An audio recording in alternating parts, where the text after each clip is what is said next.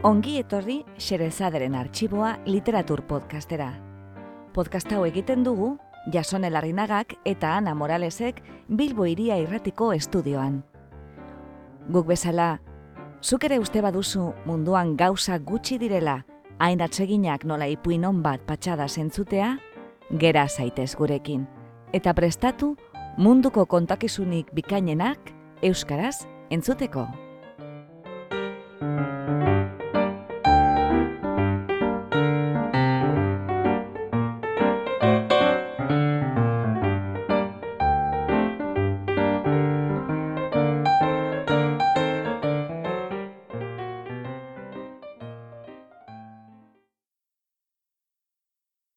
Gaur, xerezaderen arxiboan, gizonaren zat egin zen mundua. Egilea, Mark Twain. Itzultzailea, Ana Morales. Mark Twain mila sortziron dago eta mabostean jaio zen, eta mila bedatzion damarrean hil zen Amerikako estatu batuetan. Etzen berez Mark Twain deitzen. Haren benetako izena beste hau zen, Samuel Langhorne Clemens denok ezagutzen diogun beste hori berez, garai batean izandako ofiziotik hartu zuen. Izan ere, Mark Twain hitzak termino nautikoa dira, eta uraren sakoneraren neurri bat adirazten dute, zehazki bibrasa edo lau metro inguru. Dirudienez, mila sortziron eta berrogeta marra aldean, Mississippi ibaian ibiltzen ziren ibaiontzietako pilotuek, sakonera horretara heltzean, Mark Twain egiten omen zuten aldarri, Eta idazlea, beste gauza askoren artean, ibaiontzien pilotu izan zen bere bizitzako sasoi batean. Izan ere, Mark Twainek lanbide asko izan zituen idazletzaz gain, etaren biografia zinez miragarria da. Inprimategiko tipografoa, kasetaria, esan bezala ibaiontziko pilotua, mehatzaria, asmakuntza berrietan inbertzore, zehazki dirutza inbertitu zuen peix tipografia makina perfekzionatzeko lanetan, bai eta dena galdu ere. Ipuingilea, novelista, bidaiaria eta bidaia liburuen idazlea, islaria, asmatzailea, besteak beste, tiranteen ordezko tramankulu bat eta album autoadesibo bat patentatu zituen. Mark Twainen idazlanen ezaugarri dira, bere bizitasun eta umore apartak, jarrera kritikoa, ironia, jakin mina, zientzia eta teknologiari buruzko interesa, Nikola Teslaren laguna izan zen, eta horrek segituan bihurtzen du xerezaderen laguna, bide batez esan da, eta horretaz gain, aipatzekoak dira, haren antiimperialismoa, abolizionismoa, emakumeen eskubideen aldeko jarrera, langileen eskubideen eta sindikalismoaren defentsa, eta erlijio antolatuari buruzko eta zehazki kristautasunari buruzko jarrera kritikoa. Mark Twain helikometa lurretik gertuen pasatu zen, momentu batean jaio zen, eta dirudienez, onela esan zuen behin. Helikometarekin batera etorri nintzen, mila sortziron dau eta mabostean. Datorren urtean, berriro etorriko da, eta berarekin batera joango naizela uste dut. Nire bizitzako decepziorik handiena izango litzateke helikometarekin alde egingo espanu. Zalantzabarik, al guztidunak esan zuen. zelako xelebre parea. Batera etorri ziren, eta batera joan beharko. Eta laxe gertatu zen. Helikometa lurretik gertuen pasatu zen egunaren urrengoan hiltzen Mark Twain. Asko idatzi zuen, berrogeta mar liburu baino gehiago. Fama gehien eman diotenak dira, Tom Sawyerren abenturak, Iñake Mendigurenek eta Sara Tartelek euskeratua, eta Huckleberry Finnen abenturak, aintzane Ibarzabalek euskeratua. Bi hoietaz gain, beste hainbat pieza ere baditugu euskerara ekarririk, adibidez, Printzea eta Eskalea, Josu Zabaletak itzulia, edo Adanen egunkariko pasarte batzuk eta Ebaren egunkaria, Koro Navarrok euskeratuak. Gaurkoan, gizonaren tzat egin notezen mundua, izeneko entzaio laburra dugu. giza arrasa madarikatua izeneko ensaio liburuaren barruko atal bat alegia. Liburu hori mila bederatzeon eta bostean argitaratu zuen Mark Twainek, ez dago euskeraturik eta guk ipini diogu izena euskeraz. Ingelesez izena du The Damned Human Race. Ensaiu oso kritikoa, umoretzua eta nahiko eseskorra, zeinetan, gizakiak animalien azpitik kokatzen baititu Mark Twainek. Orain irakurriko dugun atal honek, munduaren eta gizakiaren sorreraz eta helburuaz diardu. Adia dintzun behar bada gauzak ez baitira hasieran diruditen bezalakoak. Eta orain entzun dezagun, gizonarentzat egin otezen mundua. Egilea, Mark Twain, itzultzailea, Ana Morales gizonaren egin ote zen mundua. Lehenengo epigrafea. Lurra unibertso izartzuaren erdigunea dela eta mundu habitagarri bakarra dela dioen teoria berpiztu du Alfred Russell Wallacek eta interes handia sortu du munduan. Literary Digest Bigarren epigrafea. Guri dagokigunez, guzti sinesten dugu gizona, lur nimino honetan bizi delarik, existentziarik sublimena dela, bai esentzian eta bai posibilitateetan, jainkosko ez diren izaki guztien artetik, eta bera dela, jainkoaren kutuna eta boskariorik handiena. Chicagoko Interior Elisa Presbiterianoa.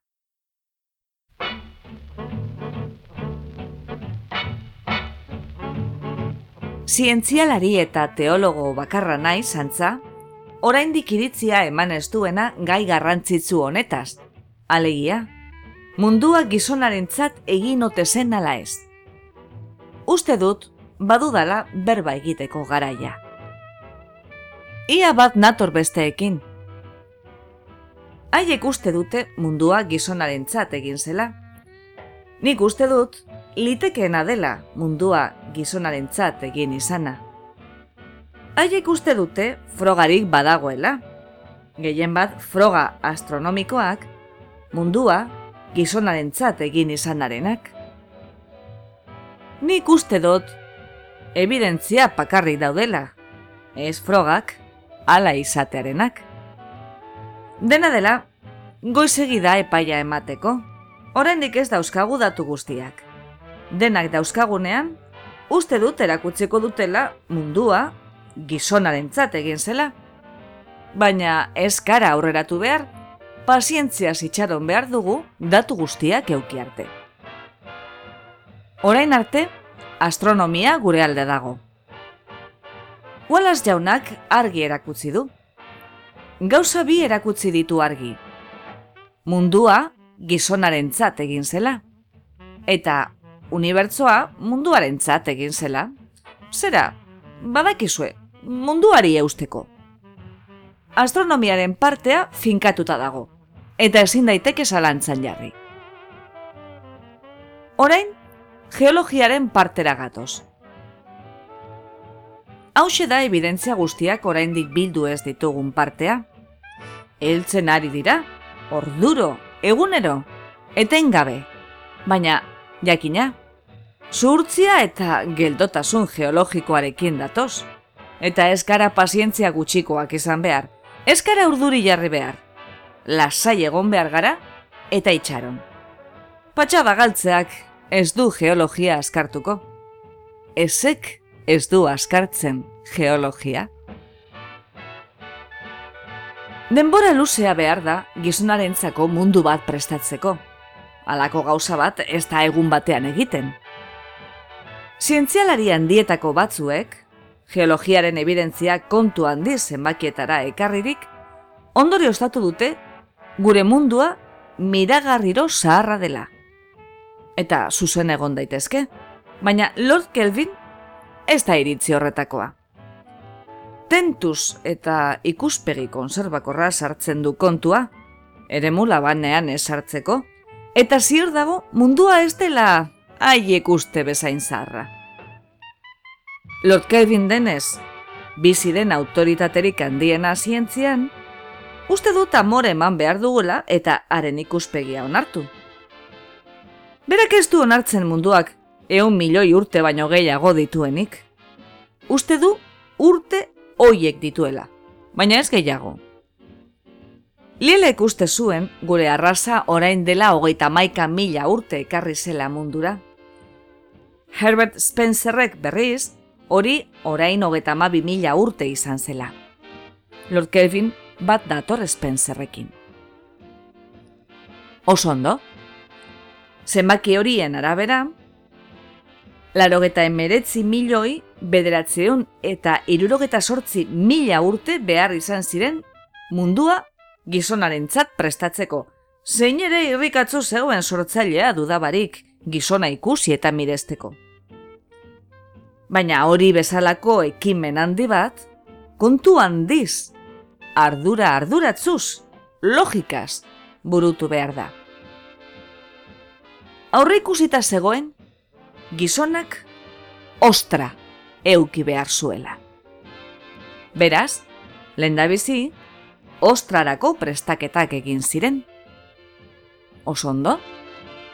Ezin daiteke ostra bat utzetik sortu? Lenda bizi, ostraren arbasoak egin behar dira.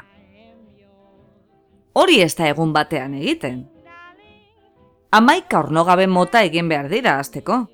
Belemniteak, trilobiteak, jebusitak, amalekitak eta txikikeria hoiek guztiak, eta itxaso primigenioan beratzen utzi, eta gero, itxaron ia gertatzen den. Batzuk, desengaino utza izango dira. Belemniteak, amoniteak eta lakoak. Utz egingo dute. Ile egingo dira eta desagertu. Esperimentuak irauten duen emeretzi milioi urteetan zehar. Baina ez da dena galduta egongo. Amalakitei, sari potoloa egokituko baitzaie. Apurka-apurka, garatu egingo dira eta enkrinita, estalaktita eta berbalapikita bihurtuko dira. Eta gauza bat bestearen atzetik, periodo altzuak irristatu ala, eta periodo arkearra eta kanbriarra beren arkaitz larriak itxaso primordialetan pilatu arau, azkenean, amaituta egongo da mundua gizonarentzat prestatzeko lehen etapa nagusia. Ostra, eginda egongo da. Ostra batek, ez dauka zientzialari batek, baino arrazoimen handiagoa. Eta hortaz, nahiko litekena da, ark, ostrak, bere ala ondori ostatu izana, emeretzi milioi urteak, berarentzako prestaketa izan zirela. Baina hori guztiz tipikoa izango litzateke ostrarengan. Dagoen animaliarik arroputzena, gizona alde batera utzita. Eta edo zelan ere, ostrak ezin izango zuen jakin, sasoi goiztiar hartan, bera plan baten barruko gora bera bat baizik etzela, eta planean gauza gehiago zeudela etortzeko.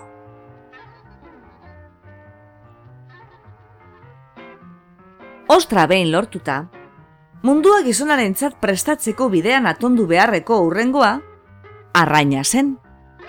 Arraina eta ikatza arraina frigitzeko. Eta beraz, itxaso siluriar zaharrak ireiki egin ziren arrainak beren magalean hasteko. Eta aldi berean, hasiera eman zitzaion hogeita bost mila metroko arearri gorrizko mendi zaharrak eraikitzeko lan eskergari. Arrainon fosilak hotzean gordetzeko. Azken hori nahiko ezinbestekoa zen, berriz ere amaika utzegite egongo zirelako, amaika desagertze, milioiak. Eta merkeagoa eta errezagoa izango zelako, hoiek harri barrenean biltegiratzea, esen ez liburu batean haien kontu eramatea. Batek ez ditu ikatzo biak eta are harri gorrizko mendizar perpendikularren hogeita bost mila metro harinek eta batean egiten. Ez. Hogei milioi urte behar izan ziren horretarako. Azteko, ikatzobi bat osatzea, kontu geldo arasotzu eta nekagarria da. Iratze zuaitzen eta iien eta kalamiten eta alako gauzen baso itzelak landatu behar dira eskualdea entziratzu batean. Gero, urperatu egin behar dira biztatik galdu arte, eta usteltzen utzi. Gero, errekak bideratu behar dira horren gainera, sedimento metro batzuen azpian lurperatzeko. Eta denbora behar da, sedimentua gogortu eta harri bihurtzeko. Urren, beste baso bat landatu behar da horren gainean, gero ondoratu, eta haren gainean, sedimentuen beste geruza bat jarri, eta gogortzen utzi. Gero baso gehiago eta harri gehiago, geruzaz geruza, bos kilometro sakon. Hai, zinez lan ernegagarri geldoa da ikatzkada bat egitea, eta ondo egitea. Hala, milioika urteak aurrera doaz tirrikitarraka. Eta bitartean, hor dabil arrain jendea, alferkeria utzean eta guztiz gogaikarri, edo nor naskatzeko moduan. Amar mila arrain mota garatu dituzu ostratik abiatuta, eta begiratzera zoaz, eta fosilak baino ez dituzu sortu, gauza desagertuak besterik ez. Ez da geratzen gauza bizidunik edo aurrera egin duenik, salbo eta ganoideo bat edo beste eta agian dozen erdi bat asteroideo. Katuak ere luke alakorik dango. Dena den, horrek ez daukardu erandirik. Oraindik denbora asko dago. Eta hoiek gauza gozoren bat bihurtuko dira gizona haientzat prest dagoenerako.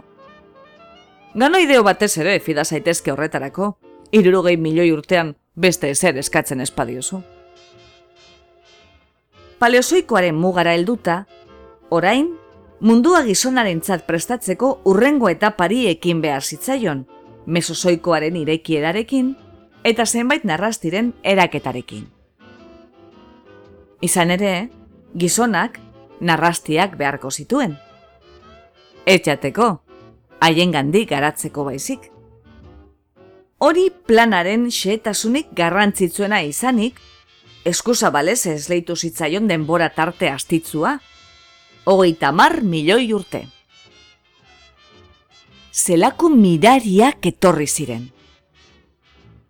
Geratzen ziren ganoideo, asteroideo eta alkaloideoetatik, askuntza geldo etengabe eta lantzuaren ondorioz, saurio ikaragarri haiek garatu ziren antzinateko aro urrun haietan, mundu lurruntzuan barrena firin faran ibiloi zirenak, suge buruak amar metroko altueran jasorik, eta oit metro gorputz eta bustan, atzetik lasterka eta astinka zituztela.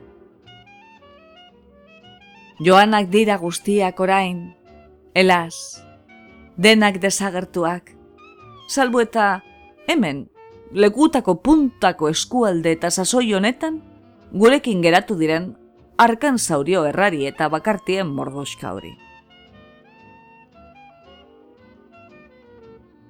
Bai, hogeita mar milioi urte eta hogei milioi narrasti behar izan ziren, beharra dina irango zuen bat lortu arte, hori beste zerbait bihurtzeko eta planaren urrengo urratzera pasatzeko.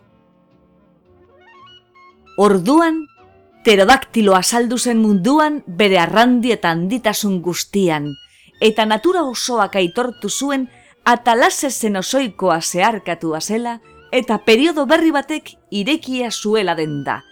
Aro berri bat hasia zela globoa gizonarentzat prestatzeko bidean. Izan liteke, pterodaktiloak pentsatu izana, hogeita mar milioi urteak, bera prestatzeko izan zirela pterodaktiloaren zat espaitzegoen burutazio tonto egirik. Baina, oker zegoen. Prestaketa, gizonaren tzatzen. Zalantzarik gabe, pterodaktiloak arreta handia erakarri zuen. Begila usotuenak ere ikus zezaken eta arengan txori baten hasiera zegoela. Eta lase zuertatu zen. Baita ugaztunaren hasiera ere, denborarekin gauza bat aitortu behar diogu. Ikusgarritasunari zegokionez, bere periodoaren garaipen utza izan zela. egoak eta hortzak zeuskan, eta oroar, nasketa almidonatu eta soragarri batzen. Kiplinen marinelaren urruneko sintoma premonitorio alako bat. Estozu erregimentukue, ez tabe tripulazionokue, arima afrodita xelebrie, marinel ta soldadue. Hortik aurrera, ia beste hogeita mar milioi urtez, prestaketak ari egin zuen aurrera. Pterodaktilotik txoria garatu zen. Txoritik kangurua. Kangurutik beste marsupialak. Hoietatik mastodontea, megaterioa, nagi erraldoia, altze erlanderra eta jendetza hori guztia, fosil erabilgarri eta didaktikoak eskuratzeko balio duena.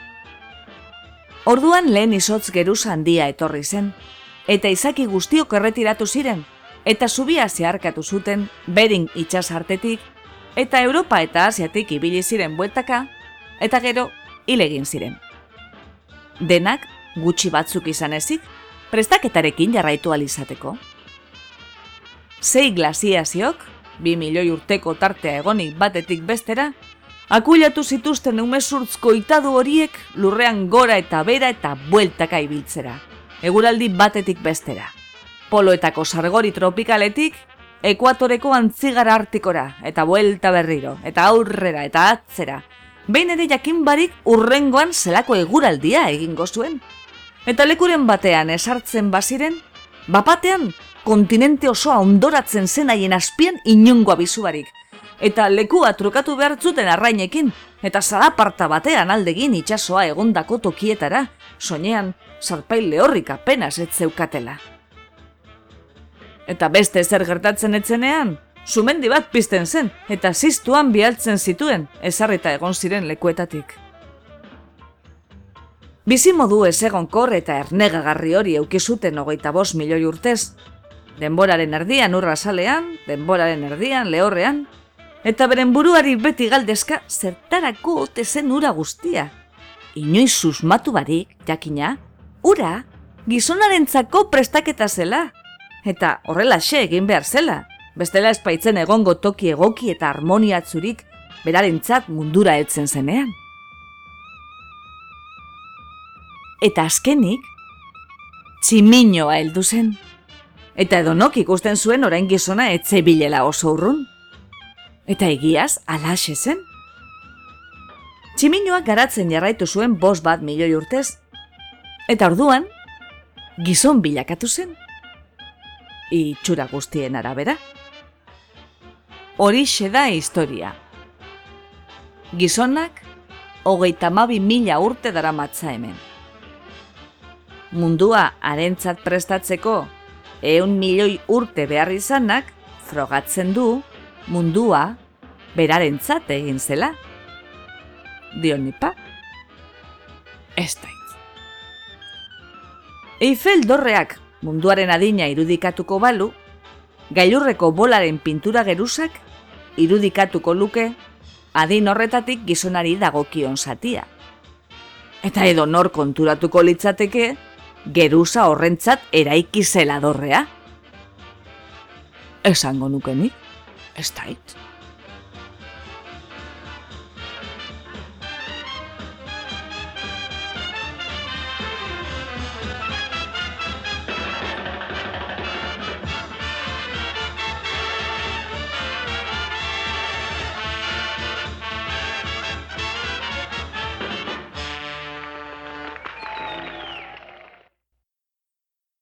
Entzun duzu? Gizonarentzat egin ote zen mundua. Giza arraza madarikatua liburutik hartua. Egilea, Mark Twain. Itzultzailea, Ana Morales.